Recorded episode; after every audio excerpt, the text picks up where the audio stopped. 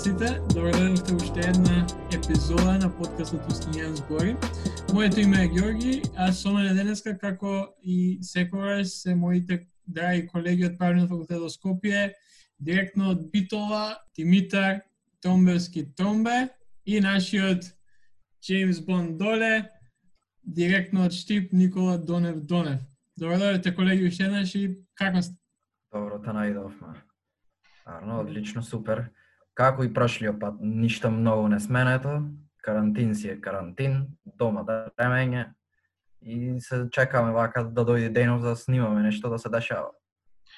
Да, цело време поминато во длабоко истражување на темите, читање за темите и нормално спремање за за снимање. Да, иначе да кажеме за тие сега што не слушаат, снимаме на 420, четир, на април 20. Уште сме у карантин. Прекрај, не, не знам, математика не сум добар, али уште десетина сати имаме е, до крајот на карантинов. Што што ви се чини? Како како издржавте овие 80 на сати Малце, иначе проблем за 420, малце ми е криво, ти не може овој подкаст да е Джо Роган подкаст за 420, да си прославиме. Јас барем да се прославам, ама ништа.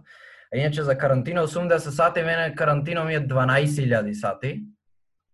Што не е само овие 4 дена што немам излезено и поќе од тоа немам, ама тоа е исто ми е, многу не ми мена. И, и да продолжиш за две недели пак исто ќе ми биде.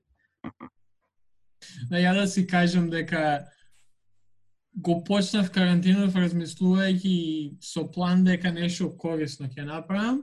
Си купив дори судоку, ќе ќе ќе си бистрам глава, ќе вежбам малце логика и на крај поминав три дена гледање серија. Uh, не знам дали сте ја гледале, The Wire. Uh, многу добра серија, до сега ја неа гледано, ама у последните три дена четири сезони изгледав и сега од која завршиме, ја довршувам и петата. Така што Каран... Георги, Георги, карантина не е не е надпревар по продуктивност. Да, ама кога седиш три дена поред не си станал од крајот само за да идеш да си направиш јадење и да јадеш, мора као не знам, ја не сум задоволен од себе у карантин моментално, поготово не овој викенд, ама добро. Не и се, За денес имаме доста интересна епизода. Гости ќе ни бидат Катерина Иванова и Наталија Крстевска, студентки на Универзитетот Свети Кирил и Методи од Скопје. А сега е мал джингл, па да започнеме со разговорот со Катерина и Наталија.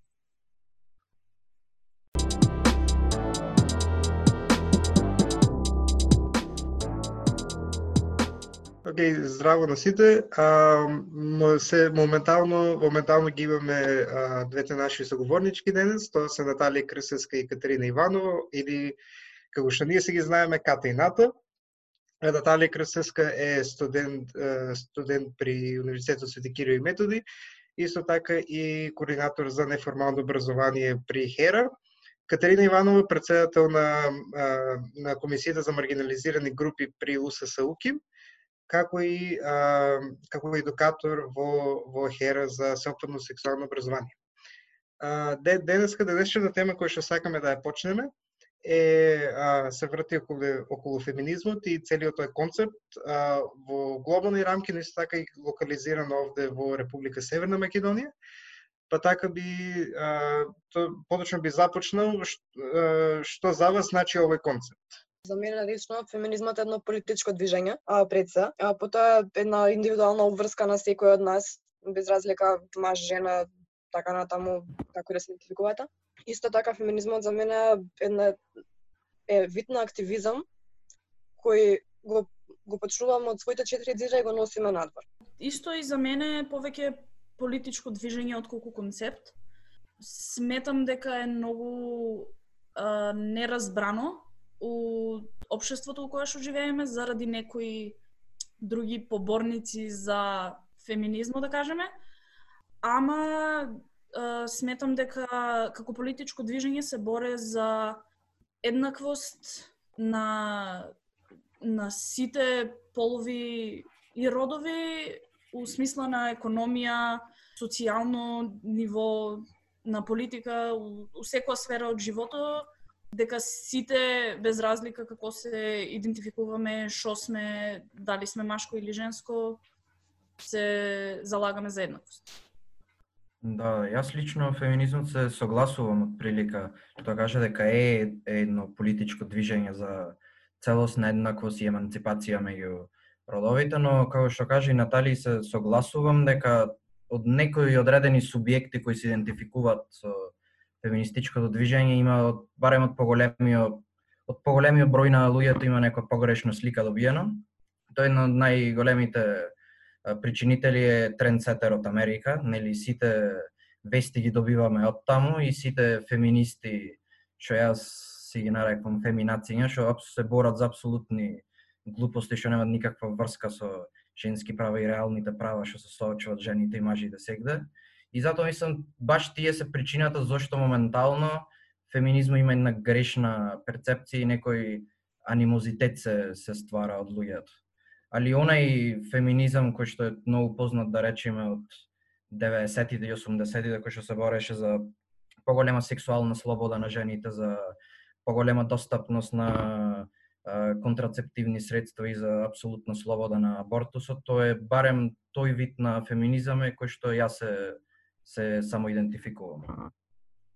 Да, ја можам само да се надоврзам на тоа што веќе и тој да го кажавте и као, не знам, еве, мене бар лично, идејата зошто сега ние да седнеме да збориме за феминизам, поготово со вас две кои што ве знаеме, и знаеме дека сте активни на тој план, ние да да ја разјасниме токму таа дилема што уствари представува феминизмот. Свесни сме дека барем кај нас, не знам, се сеќаваме со луѓе кои не знаат што е феминизам и, и имаат некои стереотипни гледишта кон тој поглед и и прашањето тука е како да како да ги созбиеме тие тие размислувања и и што може да се направи. Ама не можеме ни ништо да направиме се додека не објасниме и не не го ставиме out there што уствари феминизам значи. Не не знам, како што каже Тонга, феминацијање, како се согласувам со поимот.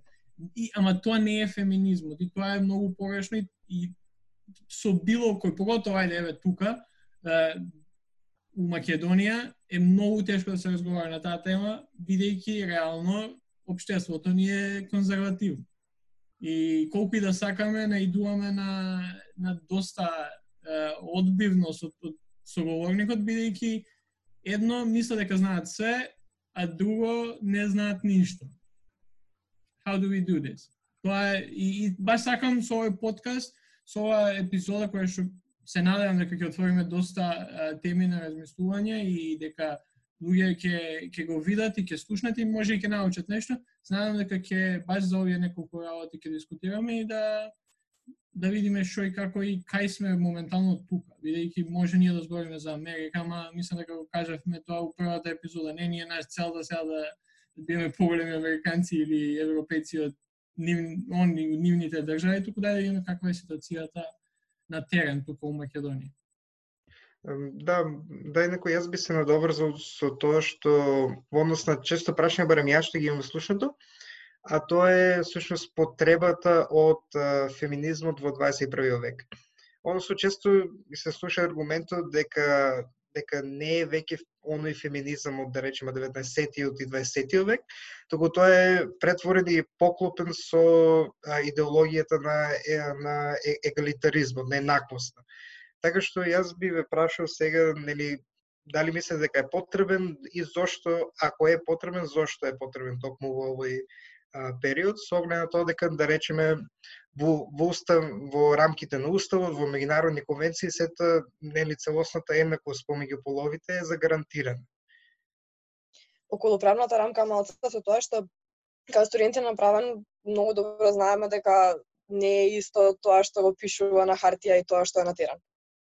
Дефинитивно тие правни рамки не се примануваат кај нас. Значи, почнувајќи со стапките на, на, на домашно насилство. Има студии од ОПСА кои покажуваат дека секоја трета жена во Македонија е изложена на некој вид на насилство до незината 16 година. тука е тој момент ударен каде што гледаме колку е потребен феминизмот. Уште пострашни се бројките, колку ствари тие жени не го препознаваат тоа насилство како насилство, од што е толку нормализирано до тој степен. Тука уште еднаш влегува моментот зошто е потребен феминизмот. Понатаму фемицидот, кој никаде во законската рамка не се сретнува како таков, а многу стручни лица исто така од ОПСА, а, во разноразни неформални а, средби а, со а, правници во, од доменот на а, обвинители, суди и слично, а, заклучиле дека околу 70-80% од убиствата врз жени се токму фемициди. Нешто нешто друго што би сакала да го додадам е исто со овоа прашање се поставува и прашањето што ни што ни фале? Што што немаме па толку се залагаме за феминизам што што не ние што немаме ние жените. И не е не е проблемот кои работи ги немаме има толку многу работи што ги немаме. Туку проблемот е работите што ги имаме например како што кажа Кате има огромна бројка на семени насилства и сексуални насилства што се случуваат врз жени ама тука имаме проблем и која семено насилство или сексуално насилство ќе се случи врз маж. имаме една систематска дискриминација што се случува секаде во општеството, дали тоа ќе е МВР, дали тоа ќе е дома кај нас, дали тоа ќе е луѓето со кои што збореме, која маш или машко дете без разлика ќе каже дека е жртва на сексуално насилство или на семено насилство, или нема да му веруват, или ќе му се смеат, или ќе биде целосно игнориран, што е страшно. И тоа е исто така една од работите за кои што феминизмот се боре, тоест не ќе да кажам вистинскиот феминизам, ама вистинскиот феминизам, не феминизмот што се боре единствено за проблемите што жените ги имаат. Исто така и знам дека ќе зборам и после за овоа, ама разлика у плати. Uh, исто Pink Tax ќе го збореме после и тоа е исто огромен проблем што го имаме uh, пристап до контрацептивни средства, пристап до абортус. Сите тие работи не засегат сите млади, дури и не само млади, сите општо ги засегат. И тоа се неколку причини зашо ни е потребен феминизам, а има уште многу што може да се каже. Сакам да се надоврзам со Ната Малца. Ова примерот за насилството врз мажи, сексуално и домашно и секакво. Е, уште еден само пример зашто мажите како мажи треба да бидат исто така феминисти. дека феминизмот не е само права на жените. Феминизмот е борба против, против патриархатот кој сите не угнетува патриархатот е оној кој, кој им вика на мажите, вие не смеете да бидете послаби, вие не смеете да покажете во ниједен момент слабост, вие мора да бидете зверови, силни, а, не смеете да бидете жртви во ниеден момент, што исто така доведува до многу поголем многу поголема бројка на а, депресија кај мажите, до многу поголем број на самоубиства кај мажите и слично. Да, токму, токму за ова ја би сакал да додадам уште од старт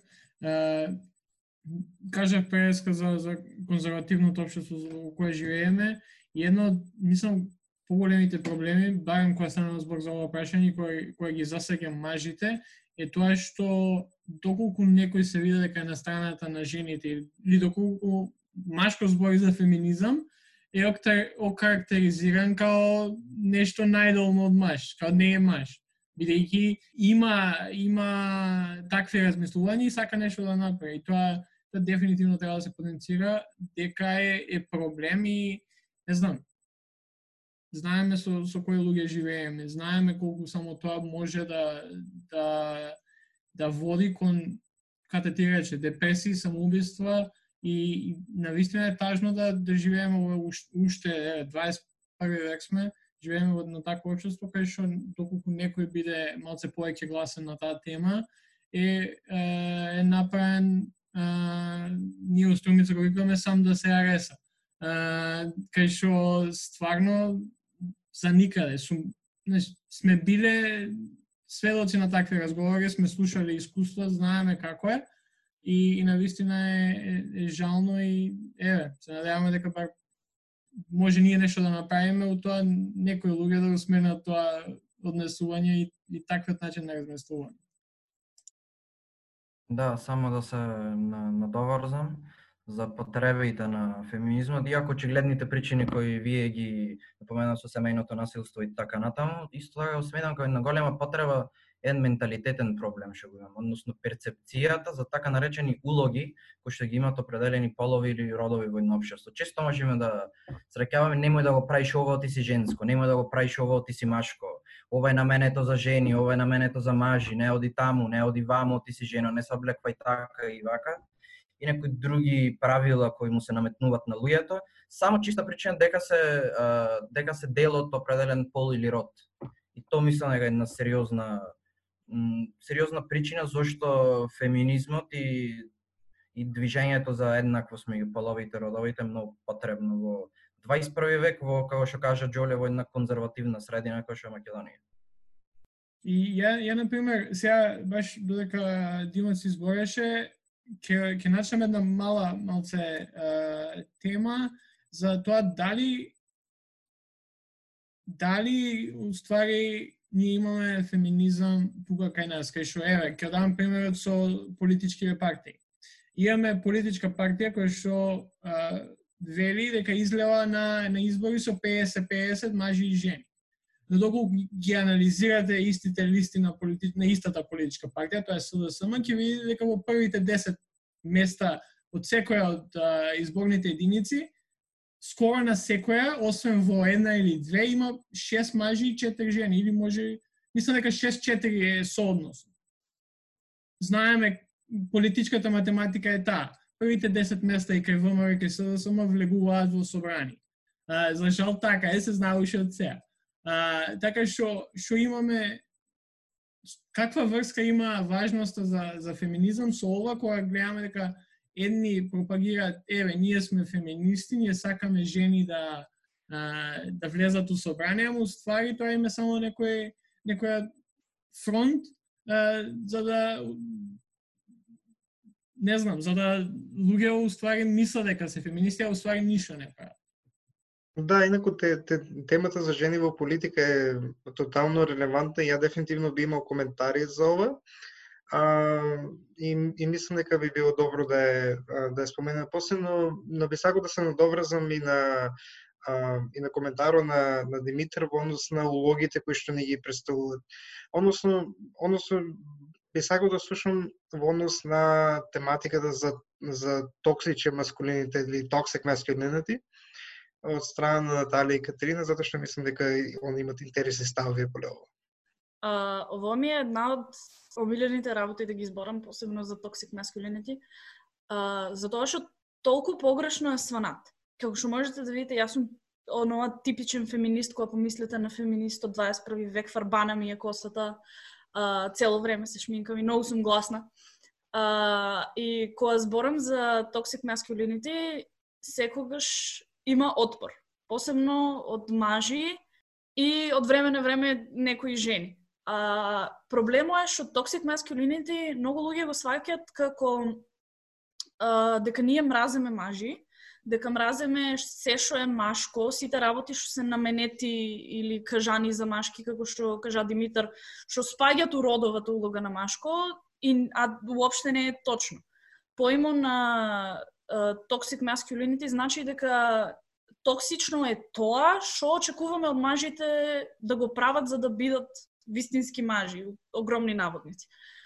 Uh, тука тука спаѓате тие родови улоги што ги кажа Димитар. Uh, дека на пример поимо дека мажите не треба да плачат или дека не треба да покажуваат чувства или uh, дека они треба да ги донесуваат парите и дека ако жената праве повеќе пари од мажите тогава они не се мажи, тоа е токсичен токсичен маскулинитет, не не е само јас сум машко и јас сакам спорт и сега тоа е токсик маскулинити. Не. Туку проблемо е токсик маскулинити е кога си помалку машко ако не сакаш спорт. И а, баш ми е мило што Димитар ги спомна тука половите и родовите разлики, за тоа што многу а, многу од луѓето што се залагат за антифеминизам не, не, не го разбират тај дел од феминизмот, дека постоат и полови и родови разлики и за тоа ни е потребен феминизм. Да се надоврзам тука малци исто околу токсичниот, токсичниот маскулинитет. Една екстрема, а, како што спомнав пријеска со депресијата и самоубиствата. Таму се изразува најмногу во, во бројки, во смисла на машкиот животен век во повеќето земја многу пократок од колку женскиот. Тоа е затоа што мажите се охрабрувани постојано да ставаат себе во живото загрозувачки ситуации и доколку не го прават тоа, автоматски се рачунате за помалку мажи, за помалку луѓе, за недоволно вредни. Зашто некој треба да си го ризикува животот постојано за да биде сметан за доволно вреден? Тоа е тој токсичен маскулинитет. Ништо повеќе.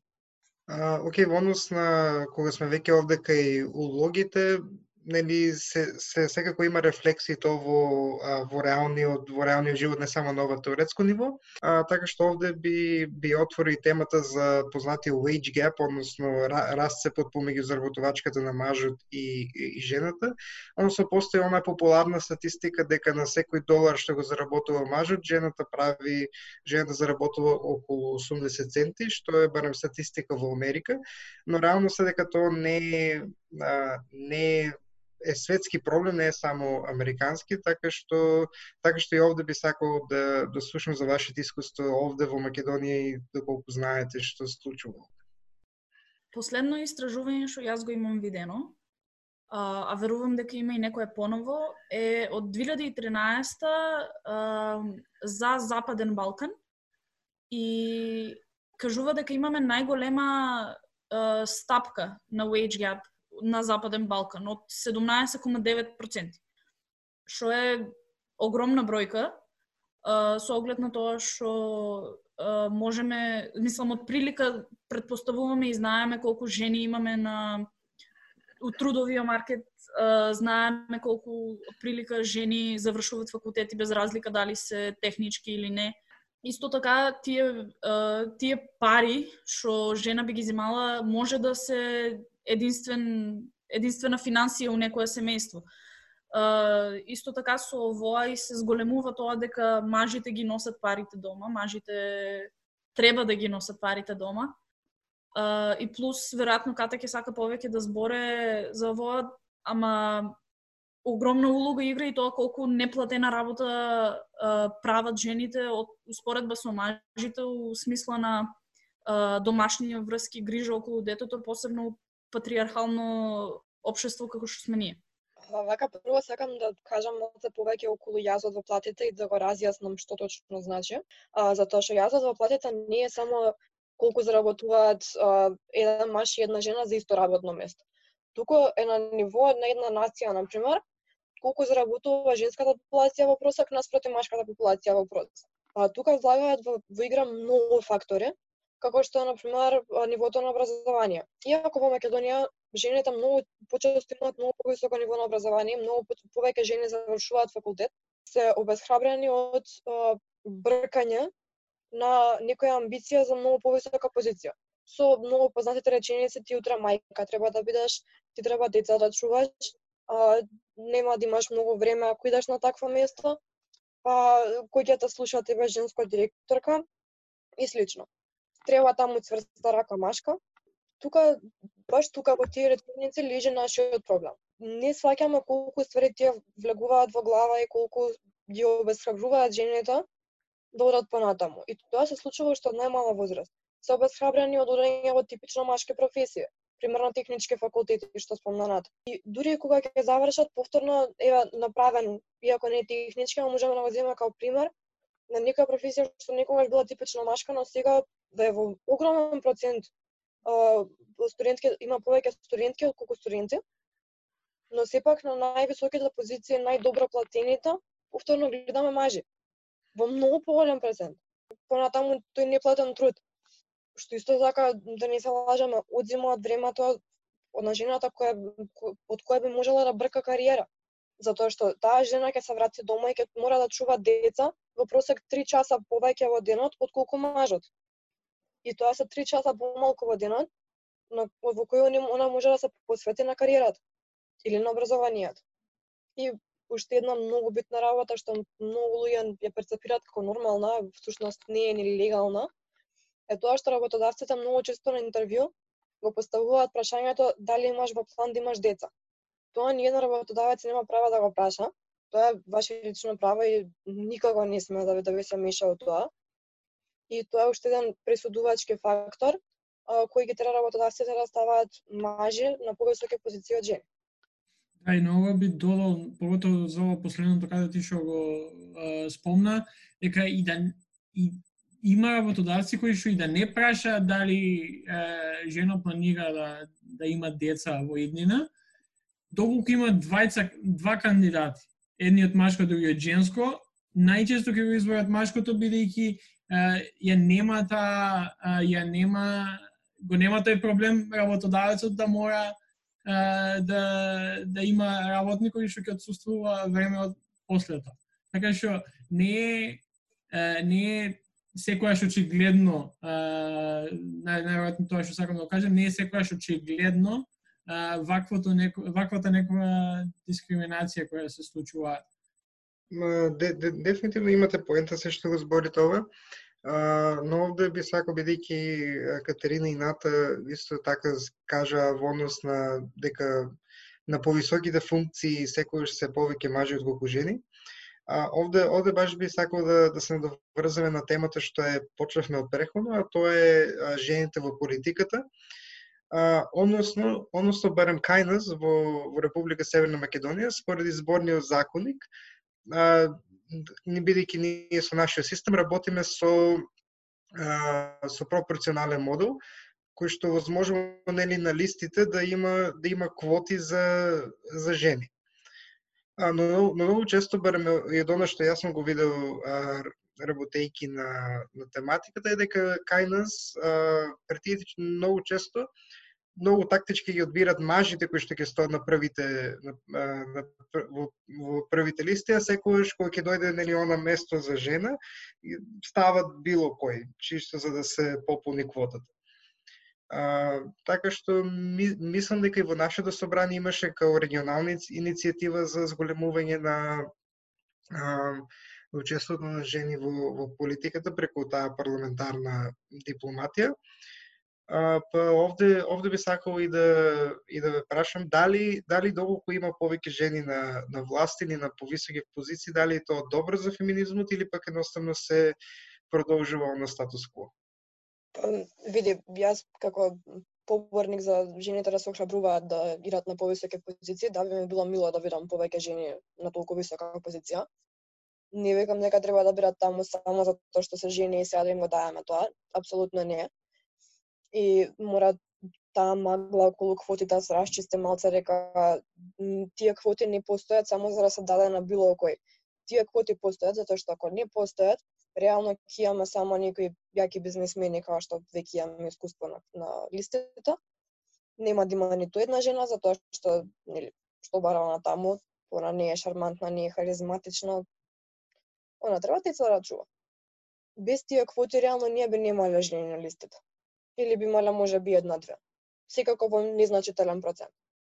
Понатаму, имам многу позитивни примери на влади кои се доминантно женски.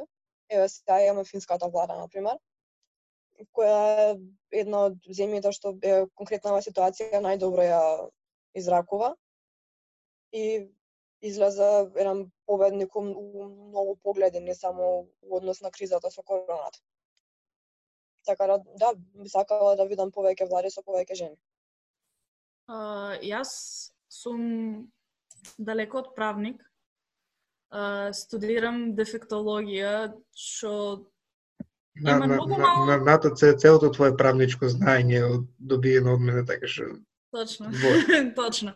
Ама, не, мојата струка реално има многу, многу мала врска со правото, ама само само за таа сфера, така да не можам да зборам специфично за за тоа кои ќе бидат а, позитивните и негативните работи ако имаме повеќе жени во политика.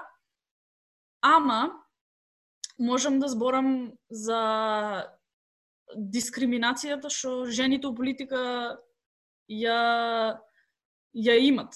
А, пример, на предходните избори имавме жена кандидат. Мислам, на страна од нејзините политики, коментарите околу, околу неа беа страшни. Огромен дел од работите и коментарите што јас ги виде беа за тоа како она изгледа, колку години е, како оде, имаше едно за незината коса, каква е била која одеше низ различни градови, тоа беше страшно. Исто сеќавам се на една слика кај што мислам дека беше предходната прва дама на Македонија. Имаше скината или изгребана хула хопка И тоа беше огромен настан. Нешто, сеќам се дека беше нешто големо што се случуваше, ама сите uh, сите коментари на интернет и сите uh, објави низ вестниците што јас ги виде, тоа вестниците, интернет форумите, што јас ги виде, беа за нејзините хулахопки. Што уопште немаше, мислам, која беше потребата од тоа. Uh, и мислам дека и тоа е еден, еден дел од зашо жените не се толку охрабрени да улезат у политика. Затоа што мислам да нормално политичарите од секој политичар се очекува да биде среден и да изгледа пристојно, ама очекувањата се многу по по различни, и повисоки мислам кога имаме жени у политика затоа што тоа се случува. Тоа се случува и сега со Мило Царовска, министрката за труд и социјала секогаш кога има некаков настан или ако отиде некаде на посета некаде, пола од коментарите на незините Facebook објави се за тоа како она изгледа и што облечела. Што уопште не, не е поентата на, на тоа што она го направил. Да, се согласувам и со деца и сакам малце да, да, да поставам едно прашање кое што мислам дека би, би допринесло во, во, во дискусијата. Добро, знаеме и свесни сме за потребата од репрезентација на, на едно големо мнозинство, па, на едно мнозинство моментално барем кај нас во државата, реално не знаеме колку точно мажи и жени имаме, пошто референдумот ни од 2002, ама реално, оке, да земеме 50-50. Ни треба репрезентација, жените дефинитивно треба да бидат слушнати а, во избори како и мажи. Но, како доаѓаме до, до сето тоа? Ја лично сметам дека квотите, колку и да помогнат у старт, нема да го донесат или да го направат тој ефект колку што е потребен за ако ние сакаме 50-50 да биде. А инаку, и, и, инаку пред да одговорат а, Катерина и Ната, би сакал малце само чист а, историски факт, односно ние досега А, покрај тоа што во 2019 имавме жена кандидат за президател, ние во а, ние во преходниот период имавме а, исто така жена а, кандидат за председател, тоа е Мироше Ходжа. А, ем, ем жена, ем албанка, така што бе една интересна појава барам што од тогаш не се случило, а истовремено сме имали само една жена председател на собранието, тоа е Ката Лахтова, за кои личности за кои што не знаеме, многу не збореме, така што мислам дека е добро и тоа да се знае. Многу често историјата ги заборава овие жени, колку и да се издигнале на едни повисоки позиции, затоа што на историјата повеќе одговара сепак нели посилниот да да се истакне, нели победниците да пишуваат. А, сакам да спомнам малку околу квотите што спомна Джола а, ниедна битка не се води само на еден фронт. И ова е само една алатка, квотите така како квоти, со која треба да се постигне храната цел. Само со квоти како квоти ништо не правиме. Но со паралелно работење на менталитет, паралелно работење на истакнување на жените на разноразни полиња, образование на жените на разноразни полиња, давање на можности на жените еднакви со мажите и така натаму уште мал милион алатки, Ако сите тие се користат паралелно и правилно, тогаш тие квоти ќе бидат успешни. Ама сами по себе никогаш. Океј. Okay. инаку, ми, ми мислам дека може да ја заврзиме ова, а, ова тема.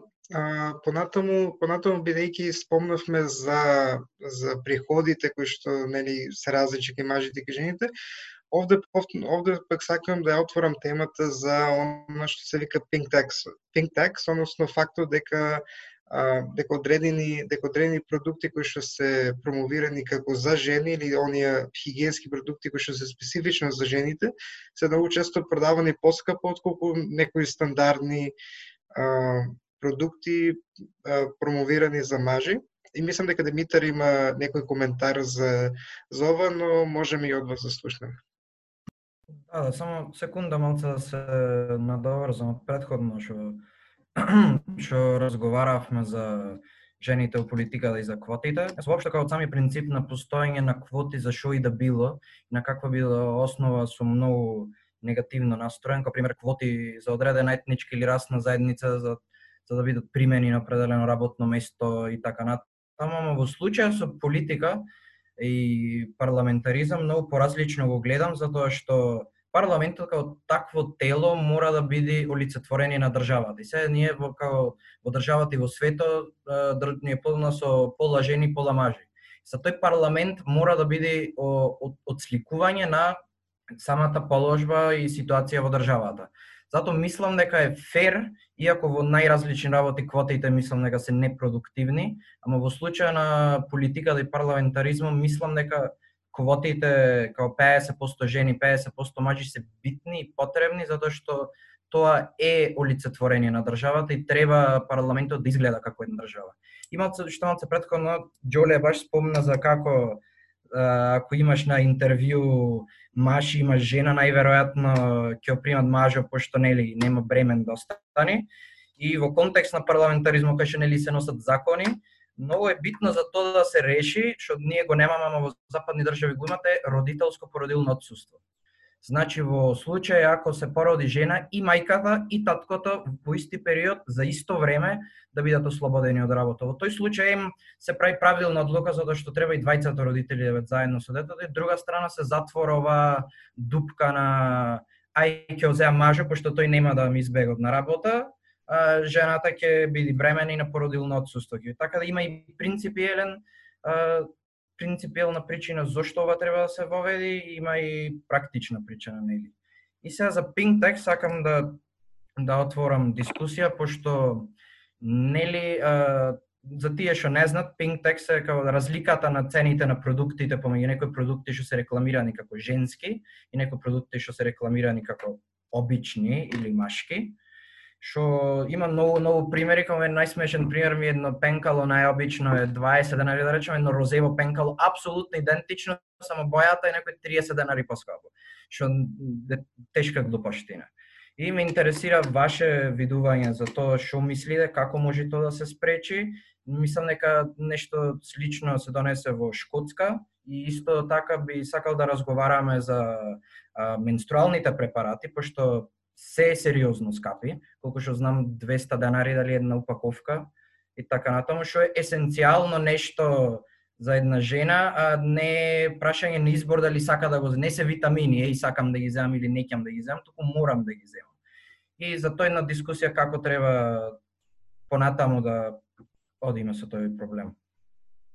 Вака прво наоѓаат и поевтини улошки, не се сите по 200 денари, Ама, а, најбруталната форма на тој pink text е баш токму на менструалните продукти, тоест продуктите за менструална хигиена. А, тоа значи дека најчесто се оданашуваат како луксузни добра. Мене тука едно не ми е јасно како нешто што ти тебе потребно третира скоро секој месец, да се рачуна како луксузно добро. Mm, плюс јас би додадела дека а, иако менструацијата е почнување на репродуктивниот живот на телото, мислам дека тоа не е нешто што било која жена или девојче што има циклуси, би сакала да и се дешава секој месец. Мислам, не е, не е пријатно уопште. И а, тука има уште неколку други работи што доваѓаат со тоа, посебно кај некои жени има, например, огромни болки, некои жени имат полицистични јајници што им представува уште поголем проблем при менструација или ендометриоза. Улошките, најефтините улошки што јас ги имам видено се околу 95 до 100 денари. И тоа се обично паковки што за да речам нормален циклус, он тоест циклус што е не е толку um, обилен, би трајале два дена. Uh, тампоните се од 160 денара нагоре пак ќе кажам, тоа не се, како и вие го кажате тоа, тоа не се продукти што ги бираме, е, јас денеска ќе одам и ќе си го купам воа, затоа што го сакам. Тоа се некои работи што ни, што ни се потребни за лична хигиена и за општо за здравието. Uh, плюс, нешто што мене страшно многу ме нервира за Pink Tax е тоа што поло тоа е само маркетинг пример, разликата помеѓу машките и женските бричеви е скоро и невидлива, иако многу луѓе ка кажат дека машките бричеви се подобри, и јас би го кажала тоа. Uh, ама розовиот брич и плавиот брич се различни сцени. Некои ќе бидат 100, другите ќе бидат 200. Да, бричењето не е нешто што е потребно или не е нешто што е не ми такнува македонски збор за necessary, задолжително. Необходно. Ама очекува се. Као ако јас излезам сега у град у шорцеви со неизбричени или неиздепилирани нози, или ќе ми се смеат, или ќе ме малтретират. Uh, и фактички не, мене тоа највеќе секогаш ме нервирало за Pink Tax тоа е, мене се тоа ми е повеќе маркетинг. А ако го поврзаме со wage gap, жените што зимат помалку плата, фактички треба да плаќат многу повеќе за работи што се наменети за нив. И, и тука неа, неа не гледам никаде, никаде смислот. Имаше баш статистика околу ова за, за кај нас каква е ситуацијата, дека од прилика 15% од жените и девојчињата тука не можат да се дозволат продукти за менструална хигиена и дека наместо тоа користат замени како весници. Што е една страшна слика за 21 век. Мислам, од прилика, вака што можам да израчунам моментално, најефтино што може да помине една девојка во месецот за менструална хигиена е околу 250-300 денари некои семејства работат по цела недела за тие пари и со тие пари си ја прехрануваат цела фамилија. Мора да престанеме да се залажуваме дека дека овие работи не се нужно добро. Да, и ја, ја би се надорезал баш интересно, може да се каже дека, не знам, знам дека ова се кажува нели за за расизмот во САД, сега почнува да се кажува и за феминизмот во во, во целиот свет, демек нема веќе, не постои или и да постои во многу мала мера, ама од ова сега што ние го збориме, гледаме дека прво жените немаат соодветна и, и а, немаат едноставно репрез...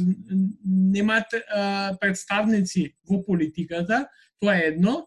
А, второ, платени се многу помалку од мажите и трето плаќаат повеќе за за работи кои им се неопходни. Така што не е само една работа, туку неколку некој ќе каже помали, ама може да се согласиме дека не се толку мали работи кои што една по друга зависат едни од други и и кога некој ќе каже е абе исти се веќе мажи и жени, еве ги гледаш работат и они не седат дома, тоа ми е омилена реплика кога некој ќе даде за феминизмот, ама кога анализираш, гледаш 3-4 работи кои едно со друго се поврзани и уствари на крај си као чекај, што права имаат жените уствари? Мене многу интересен момент околу феминизмот ми е тоа што има една писателка, Има Голдман, која има пишувано некаде почетокот на 20 век. Значи, правиме му пред 100 кусур години она конкретно е анархофеминистка, која имала бурна историја поради баш поради незините размислувања и поради движењата кои ги потикнала. А, страшно е тоа што незините есеи и целото незино размислување е сосема применливо денеска, еден век подоцна. дека еден век подоцна жените се соочуваат со мања вишистите проблеми и секоја жена може да се поистовети со тие незини размислувања. Мене тоа искрено ме вади од памет. Каков свет ние очекуваме за 100 години, ако сме имале 100 години уназад и ништо не сме направиле скоро. Да, мислам дека е супер, супер што вака завршивме. А, понатаму, понатаму овде би сакал да се надоврзаме на уште друга тема, бидејќи се, сите овие теми се некако а, надоградуваат една на друга. А тоа е прашањето околу а, што, оно што пред некоја година се случи, а особено предизвика политички бури, кој, на кои што многу а, познати личности падна некој ти да го затвори и нешто што стана особено актуелно е, е Me Too movement или или односно по пошироко поставено овде би отвори прашањето за оно што се нарекува sexual harassment. Така што може можеме да почнеме со со коментари. Добре, ја пред да почнеме со коментари, ние дека сега правиме малце поразлична епизода од претходниве. Овде ќе обациме, ќе го обациме нашиот мал сегмент за вести. Uh, не знам, доколку не слушате, и за тие што не слушаат, имаме како некоја традиција ни стана, секоја епизода да даваме малце известување што се случува со нашиот Немил Борис Џонсон, премиерот на Велика Британија. Па така Димитар, ако може да ни кажеш во едно една-две минути што се случува, па да продолжиме со назад со темата со на, со на Па волство ми е да зборам за Борис Џонсон, дека што тргна Борис Џонсон и стана свитхар на на подкаста и секогаш си го спомнуваме. Таа се погоди околностите и се стане една смешна традиција за Борис да си збораме. Па ајде ке како и секоја емисија, така и ова, ајде ке ќе кажеме. Борис сега за сегарен, ништо не му е, топсија. излезе, колку што знам, од интензивна, тоа го кажавме, нема никакви други вести, освен мала тажна вест, тој за кој тажна, за мене малце срекна, што disapproval рейтинг му се зголемени за 2%.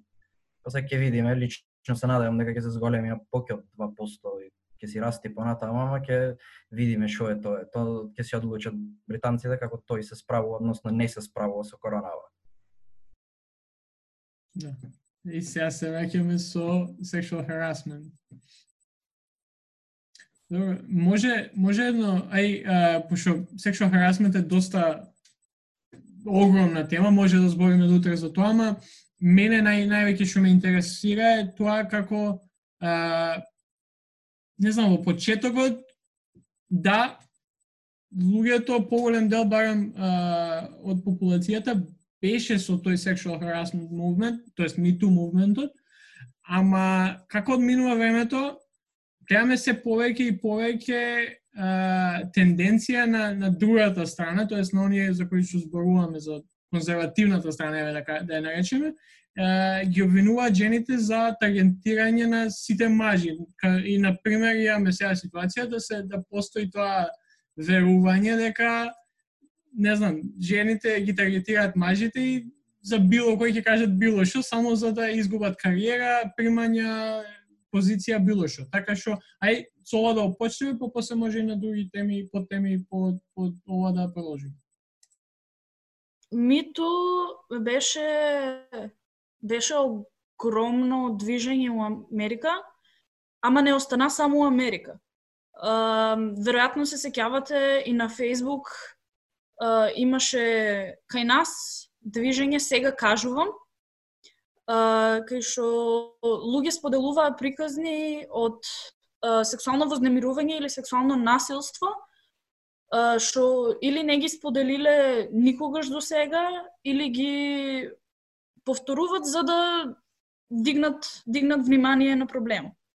И јас го имам забележано истото како тебе, дека се повеќе и повеќе се излават мислења дека сите кои што учествуваат у миту или сега кажувам, го прават тоа само за да наштетат на некој или со цел за да се експонират они ако го кажат тоа против некој а, некој на висока позиција. Тоа многу, многу, многу, многу беше популарно кога беше случаја со Бред Кавана, мислам, тоа беше популарното мислење, дека она тоа го кажува само за да добие популарност. Јас тука сметам дека луѓето уствари немат немат е, како да кажам осет немат представа колку колку е травматизирачко тоа искуство на сексуално вознемирување или сексуално насилство. И посебно сексуално насилство од некој што е или на некаква висока позиција или е хиерархиски над нас. Затоа што низ едукација кој одеме, секогаш го кажуваме истиот пример. Дали полесно ќе е да се спротивставиш на некој што ти е врсник или на професор, или на наставник, или на шеф. Нормално дека ќе ти биде на врсник, затоа што ако се спротивставиш на шеф или професор, ти тука имаш ти си ставено во огромна во огромна дупка кај што можеш да изгубиш работата, голема е веројатноста дека нема да ти веруват. А, и не знам, не ми уште се уште не ми е јасно зашо некои луѓе сметат дека луѓето што ги кажуваат нивните приказни го прават тоа за популарност. Имаше и студии дека околу 2% од сите а, rape allegations се лажни. 2% у огромна бројка на rape allegations што се точни. И можно е тие 2% да може да не се ни докажат дека се точни, па за тоа се у тие 2%. И јас, у моје мислење, сметам дека а, колку што е травматизирачко да го преживееш тоа, дали ќе е сексуално вознемирување или сексуално насилство, уште е потравматизирачко е да да мораш да го прераскажуваш уште не знам колку пати. И не зна, јас не познавам никој што стварно би го направил тоа да оде да кажува таква приказна со цел да добие нешто он. А, исто имавме и а, герила акција кај што ни Скопје беа излепени плакати со зошто не пријавив. Пола од плакатите што јас ги виде беа затоа што нема да ми веруваат.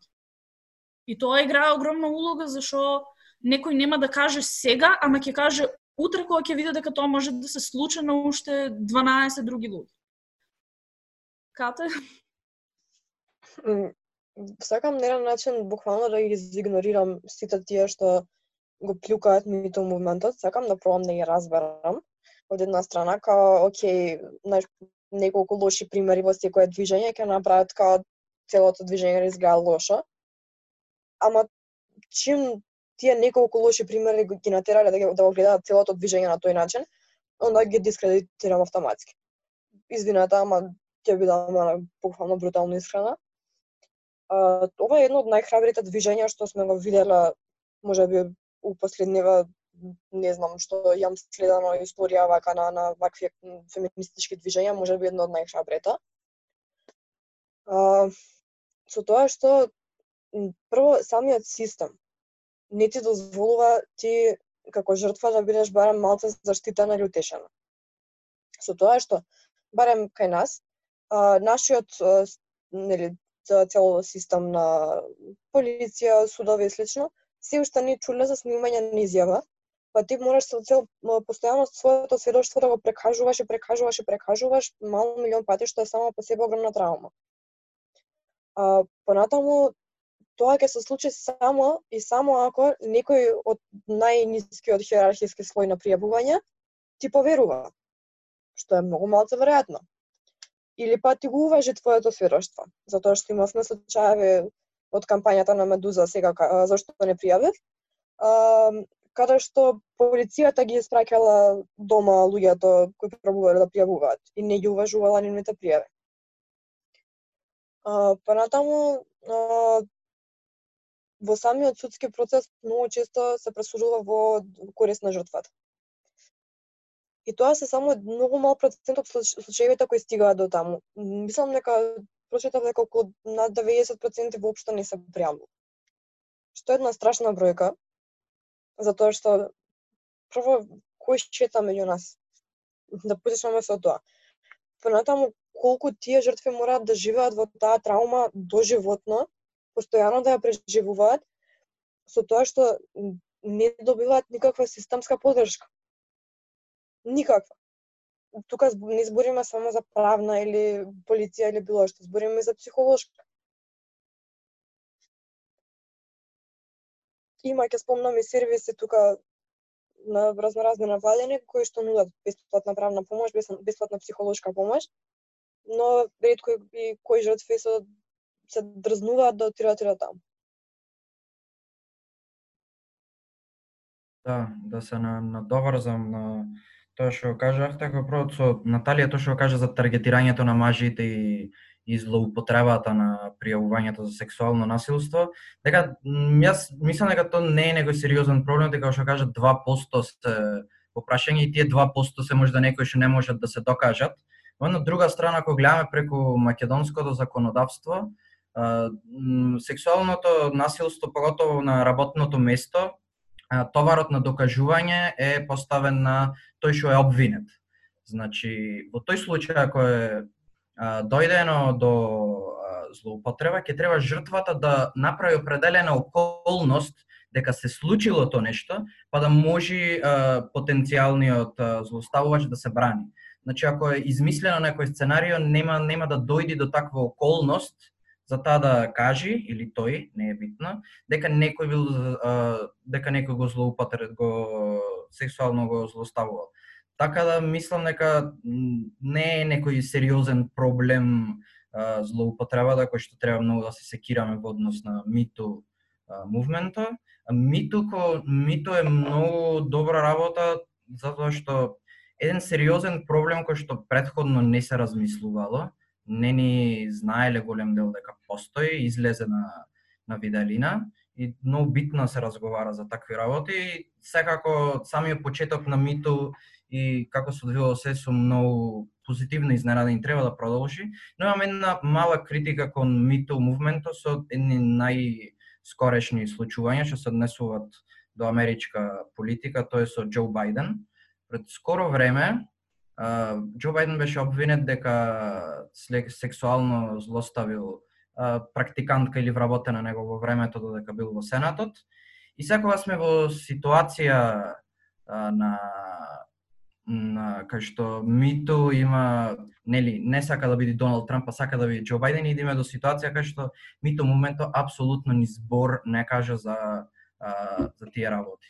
И тука малце сум разочаран затоа што да, јасно ми е зошто неки Доналд Трамп да биде председател, јасно ми е зошто да негде сака да биде Џо Бајден, но сепак има некои принципи за кои што не треба да се закјутат и без разлика колку се согласуваат или не се согласуваат политички со субјектот во прашање, треба некои принципи да бидат на самиот врв.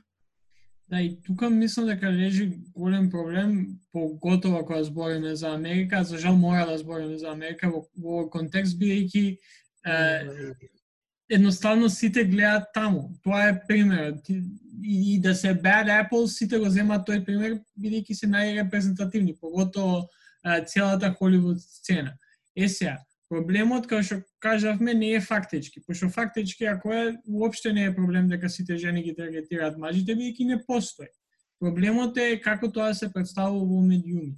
И, и, а, и не, ја тука до душа не ги ни не ни укривам другата страна, бидејќи самиот самото тоа доаѓа од големите светски медиуми кои како што кажа и преска, примерот со нашава партија, кој што се покажуваат феминисти, ама уствари у суштина не се. Демократија се совршен пример. Едва чекав Џо Бајден да спомнеш, бидејќи стварно е е проблем кој што а, ги прави луѓето кои што би сакале да веруваат на жените да се отргнат од целиот овој случај, бидејќи оние кои што се on the top, уствари не се ништо поразлични од другата страна. И тука мислам дека е проблем со тие кои што ги репрезент со тие кои се представници на на целиот тој мувмент, барем во САД. Добро, имаме имаме до душа и малку поблизок примера, тоа е баш а, а, она сцената што се случи во, во Штип, каде што имавме родово базирано насилство, за жал, а, за жал и овде нели се појавува двојна виктимизација, па понатаму видеото што беше споделувано и сето тоа. А, па така што би се надоврзал со нешто што би било малце култово, тоа дека не знаењето раѓа насилство, а, и би ги повикал Наталија и Катерина да да коментира на ова, но истовремено да а, да и начнеме темата за потребата од а, од целфото сексуално образование во нашиот систем и што тоа би представувало нели бидејќи вие се бидејќи вие токму работите во таа област. Uh, не знам дали да почнам прво од ситуацијата или од целопатно сексуално образование, ама ќе почнам прво од ССО. Uh, тоа е сексуално сеопфатно сексуално образование, викаме го ССО затоа што ни е побрзо. Um, прво ќе почнам со некои од работите што ние ги имаме како uh, теми у ССО, за да веројатно преку тоа ќе ви стане појасно зашо цело време се залагаме за него. Um, ние збореме, у ССО збореме за род, тоест родови, полови, разлики, родови улоги и слично. Збореме за сексуално преносливи инфекции, сексуално преносливо, мислам, сексуално здравје. Тука спаѓаат сексуално преносливи инфекции, ХИВ и контрацепција. Имаме граѓански аспекти, односно сексуални и репродуктивни права. Имаме задоволство, насилство, врски односи и различност, кај што највеќе се фокусираме на сексуални ориентации. Е сега, пред да почнеме со ССО, ние секогаш им даваме предтестови и посттестови на децата со кои што ќе работиме. Тоа е повеќе за да видиме со какви ставови и знаења они улават и дали нешто ќе се смене или дали нешто ново научили.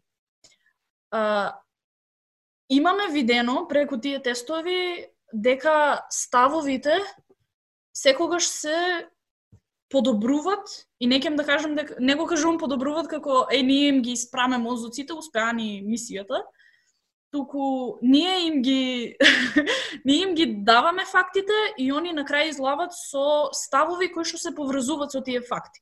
Например, ако на почеток улезат со став дека Uh, сите хомосексуалци се болни, на крај ќе излезат дека со, то, со тоа дека хомосексуалноста не е болест една од темите на кои што збореме, како што ви кажа, насилство. Тука збореме повеќе за сексуално вознемирување у школу, затоа што тоа е нешто што децата обично го гледат секој ден, ама не го препознават како сексуално вознемирување, туку им е шала или нешто што им се случува секој ден и им е нормално и сексуално насилство и тука повеќе збореме за силувањето како се вид на сексуално насилство и кои се некои митови и факти.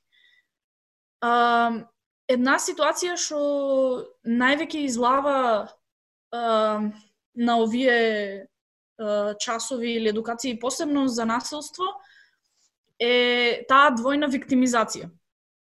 А, и тука ние како пример го користиме тоа препраќање на слики што се случува секаде и верувам дека и вие сте го виделе у вашите школи или на факултетите.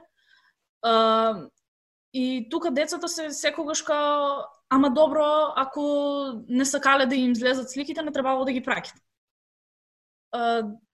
И истото се случи со видеото што беше од девојчето у Штип кај што го кај што ја тепа.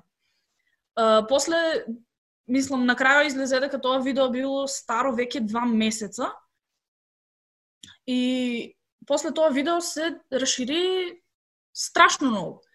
И замислите си, стајте се вие у незина позиција да сте да сте поминале низ тоа, да не сте кажале на никој за тоа што ви се заканувале и не сте смеале да кажете и после два месеца вие секаде кој ќе уклучите Facebook или Instagram да се гледате па себе си како минете па низ такво травматско искуство.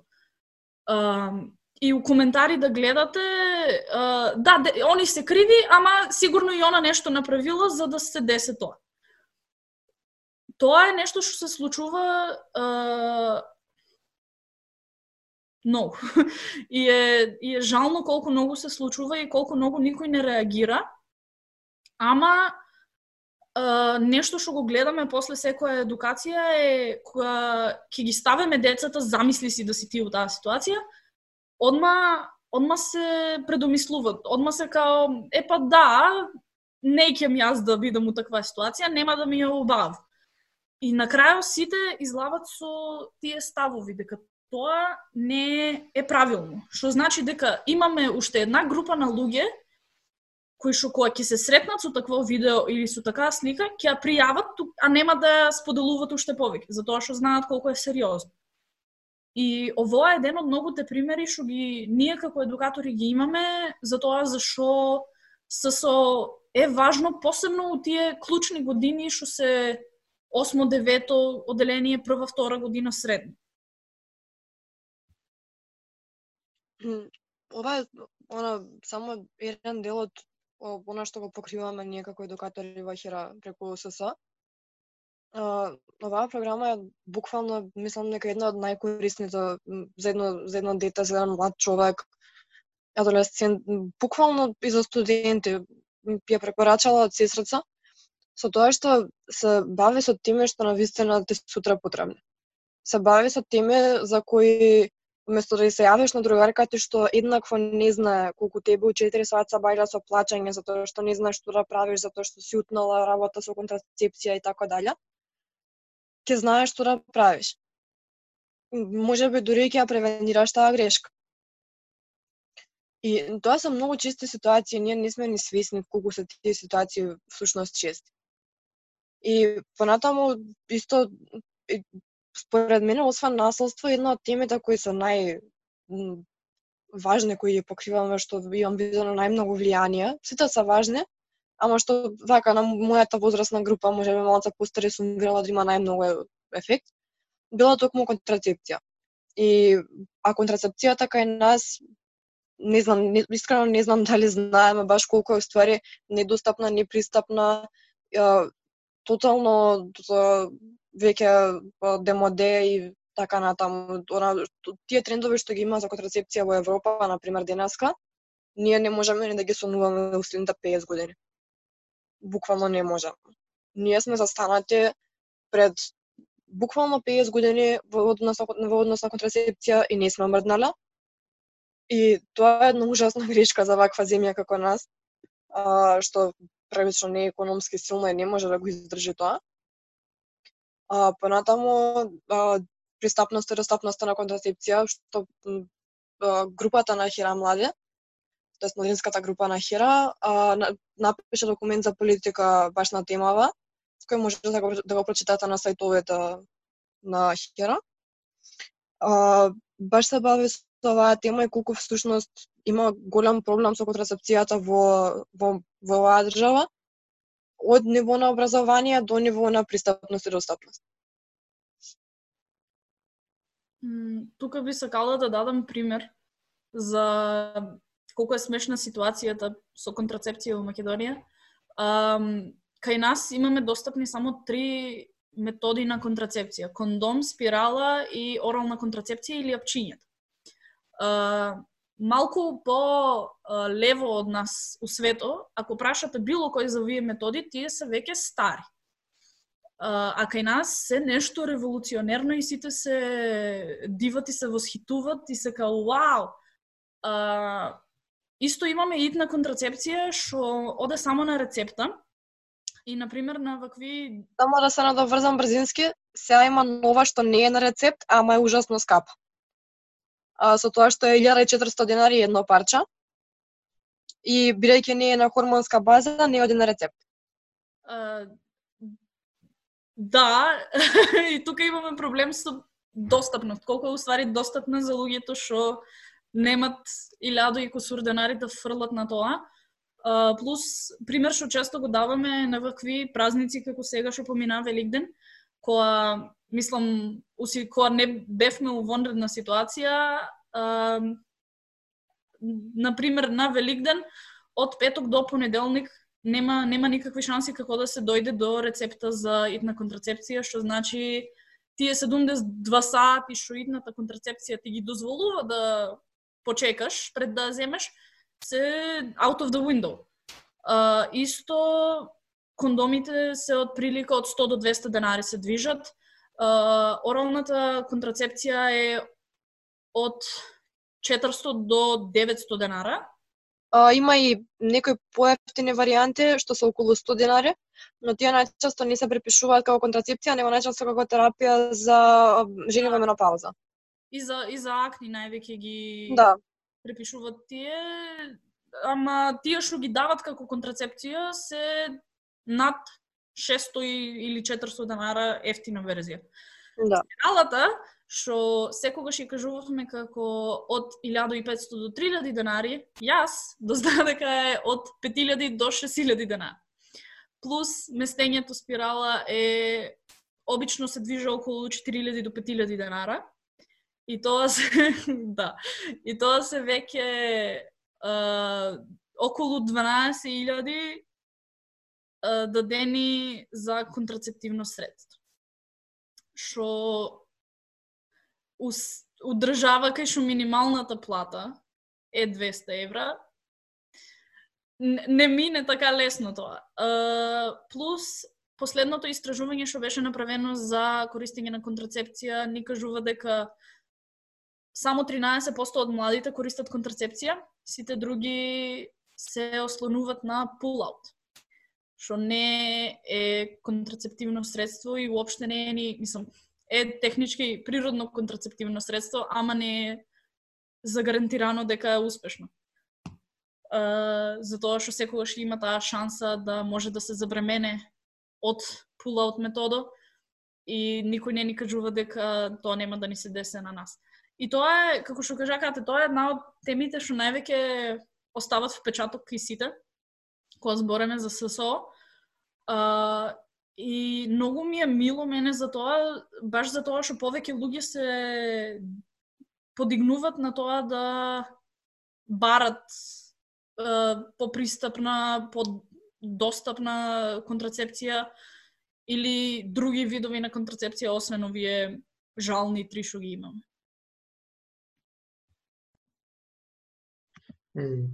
Да, дефинитивно. А, инаку, а, Катерина, ако може да не го пратиш а, документот за, за јавна политика, дефинитивно ќе го ќе го споделиме. А, односно, доколку некои други немат коментари, овде би а, би ја завршил дискусијата, мислам дека беше а, обемна, беше интересна, така што се надеваме дека за некои други работи понатаму ќе сте тука да да поразговараме. А ја никога само немам ја што да кажам за контрацепција или такви работи, ама имам уште едно прашање а, за Катерина, да ни каже збор два, бидејќи ја представивме како председател на Комисија за маргинализирани групи на УСС. Да ни каже збор два, а, што во моментот комисијата прави, бидејќи сме во април, април е значаен месец за голем дел на маргинализирани групи, па така да завршиме овој разговор со малце малце од тоа. А, вака, месец април, како што спомна, е месец на подигнување на свест за три работи кои се многу клучни во нашето општество.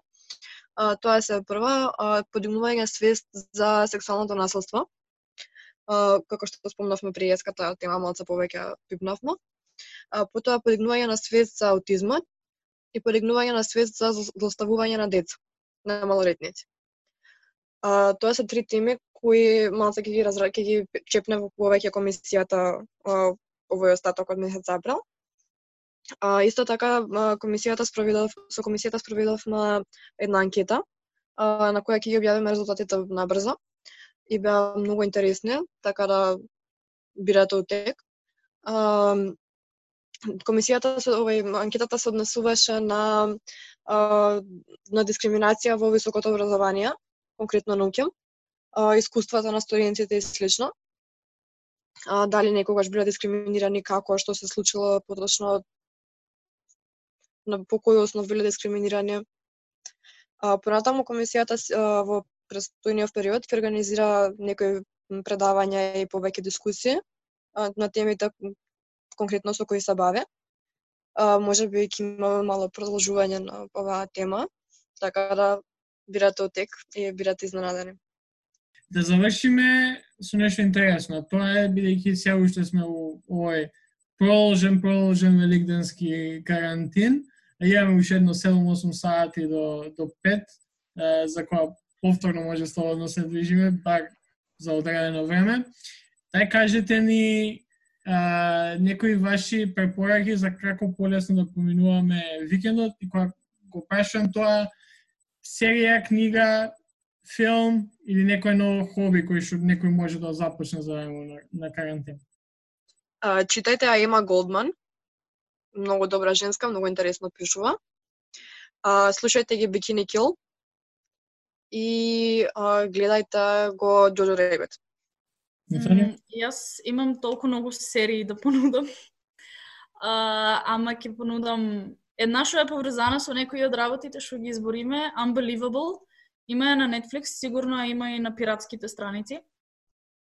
Не ви кажувам да пиратнувате, ама а, ам, нешто малку по lightweight е Big Mouth, што е анимирана серија поврзана со работите што ги избориме, тоест пубертет и сите тие прекрасни моменти што сите ги минаме. Од од книги, ваа ја препорачувам на сите секогаш и немам никаква друга препорака освен Tuesdays with Mori, што е прекрасна книга и опфаќа толку многу прекрасни работи и ми има оставено впечаток од пред 4 години која ја прочита прв пат и за музика а, секогаш го препорачувам Frank Ocean за тоа што е буквално микс од feel good и музика на која што сакаш да се депримираш и да седеш на земја и да плачеш. Да, ја, ја уште еднаш ќе повторам мојот, мојата препорака, тоа е The Wire.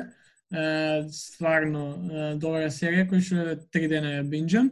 Никола Димитар, вие имате некоја препорака пред да се одјавиме? Препорака немам, не- бидејќи не гледам многу многу серии или филмови. А, дефинитивно за тие што го немат слушано поточно, бидејќи ова е мюзикл, нема да престанам да го препорачувам. Тоа е Hamilton, an American Musical. А, мислам излезен, мислам 2015 или така некако, но толку е добар, а, вреди да се инспирирате од него, така што gi- give it a на препорака за серија Ozark, многу интересна крими драма и препорака за книга Sapiens од Харари, многу добра книга, многу Харари го обожавам, многу убави работи има напишано, топла препорака за се да прочитате. Фала ви на сите на, за препораките, а поготово Наталија и Катерина за гостувањето. Едно што беше едукативно, друго што супер се поминавме и а, се надевам, а, еве, уште сега ви, ви упатувам покана за некое друго гостување а, во догледно време, така што stay safe, а, а ние со подкастот продолжуваме следната среда. Фала ви на вас, дечки. Фала ви!